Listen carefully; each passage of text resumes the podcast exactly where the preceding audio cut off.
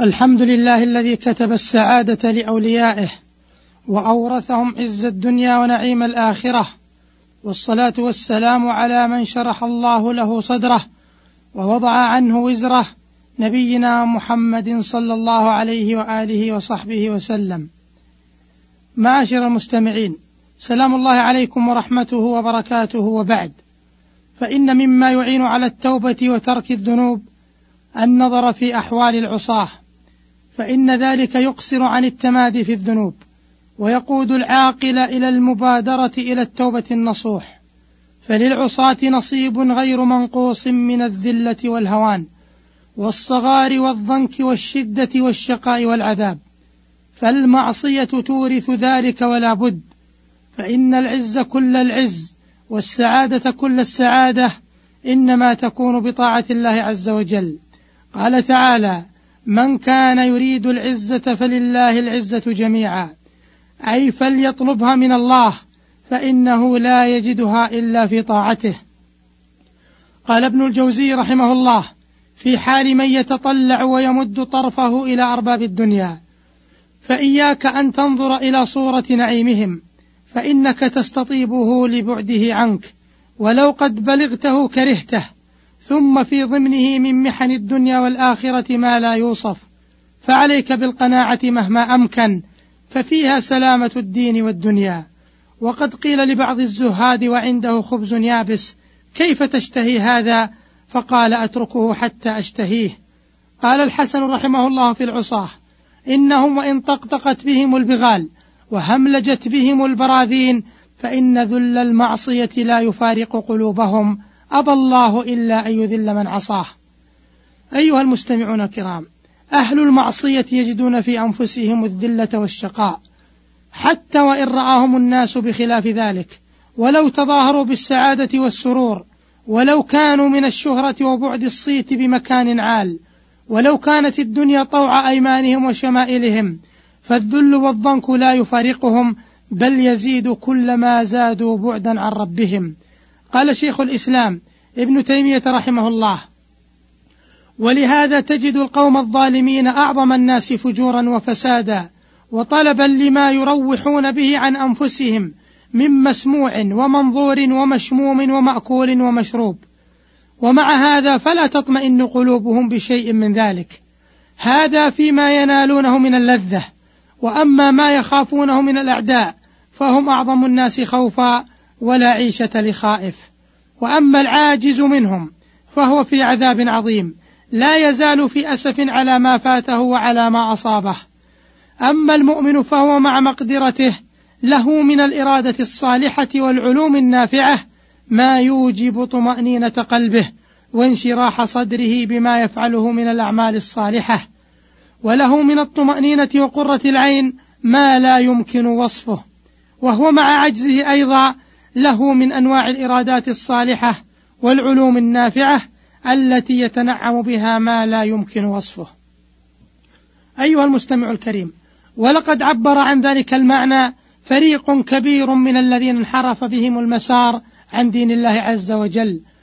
ولو ذهبنا نستعرض أقوالهم لطال بنا المقام وفيما يلي ذكر لبعض أولئك من المحدثين ممن طارت شهرتهم وبعد صيتهم أو طغى غناهم وترفهم سواء من الفلاسفة والمفكرين أو من الفنانين والمطربين أو غيرهم.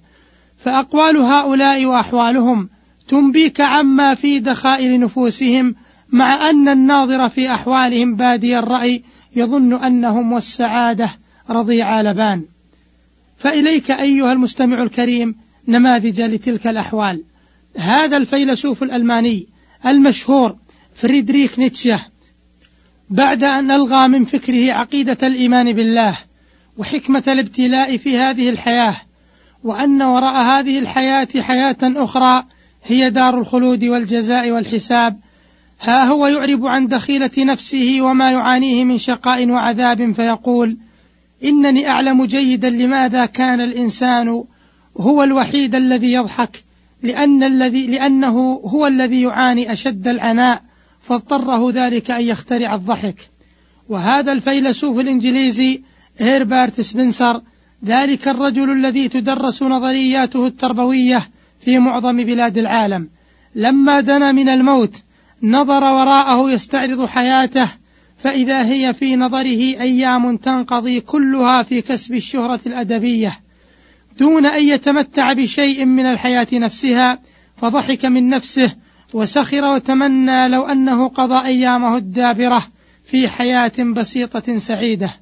ولما حضرته الوفاة كان على يقين بأنه لم يعمل في حياته إلا عبثا. وهذا الفيلسوف آرثر شوبنهور فيلسوف التشاؤم, التشاؤم الألماني الملحد عندما عزل عن تصوره مسألة الإيمان بالله واليوم الآخر ورفض حكمة الابتلاء نظر إلى الحياة نظرة ملؤها التشاؤم ورأى أن طيبات الحياة كلها عبث وأن مقاصد الناس تسير إلى الإخفاق ومن أقواله في ذلك إننا لو تأملنا الحياة المصطخبة لرأينا الناس جميعا يشتغلون بما تتطلبه من حاجة وشقاء ويستنفذون كل قواهم لكي يرضوا حاجات الدنيا التي لا تنتهي ولكي يمحوا أحزانها الكثيرة. وهذا جان بول سارتر الفيلسوف الفرنسي الملحد الوجودي عندما كفر بالله واليوم الآخر أصبح ينظر إلى الحياة من منظوره الوجودي المادي فلا يرى الوجود كله إلا من دوائر القلق والمتاعب والغثيان والآلام. وكتب في ذلك جملة قصص ومسرحيات ضمنها آراءه الفلسفية الوجودية التي تتقيأ المكاره والتي أبرز فيها الحياة تافهة حقيرة مخيفة مملوءة بالشقاء مشحونة بالآلام مع أنه قد دعا إلى التحلل والإباحية والانطلاق من جميع القيود. وحين حضره الموت سأله من كان عنده ترى إلى أين قادك مذهبك؟ فأجاب في أسى عميق ملؤه الندم إلى هزيمة كاملة. وهذه بريجيت باردو الممثلة الفرنسية المشهورة. قال لها صحفي لقد كنت في يوم من الأيام رمزا للتحرر والفساد فأجابته قائلة هذا صحيح كنت كذلك كنت غارقة في الفساد الذي أصبحت في يوم ما رمزا له لكن المفارقة أن الناس أحبوني عارية ورجموني لما اعتزلت. عندما أشاهد الآن أحد أفلامي السابقة فإنني أبصق على نفسي وأقفل الجهاز فورا وتواصل قائلة قمة السعادة للإنسان الزواج. وإذا رأيت امرأة مع رجل ومعهما أولاد أتساءل في سري لماذا أنا محرومة من مثل هذه النعمة؟ أيها المستمع الكريم في الحلقة القادمة إن شاء الله تعالى ذكر لبعض هذه النماذج من أحوال العصاة. فنسأل الله تبارك وتعالى أن يجعل قلوبنا مطمئنة بذكره وحياتنا عامرة بطاعته إنه ولي ذلك والقادر عليه. والسلام عليكم ورحمة الله وبركاته.